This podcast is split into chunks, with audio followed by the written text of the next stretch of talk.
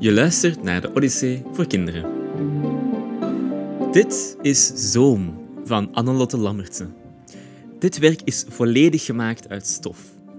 Annelotte haalde haar inspiratie uit de bloemen en planten die groeien op plekken waar mensen eigenlijk helemaal niet willen dat ze groeien, zoals tussen de stoeptegels, op treinsporen of op verlaten plekken in de stad. Veel mensen vinden dat die planten onkruid zijn. Ze zijn lelijk en ze moeten weg.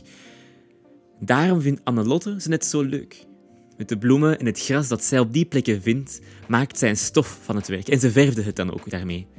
Om te laten zien van, hé hey, jongens, kijk eens, die planten kunnen ook mooi zijn. Groeien er ook bloemen en planten tussen de stoeptegels en de voordeur van jouw huis? Misschien moet je maar eens kijken. Misschien zijn ze net zo leuk als die van Annelotte.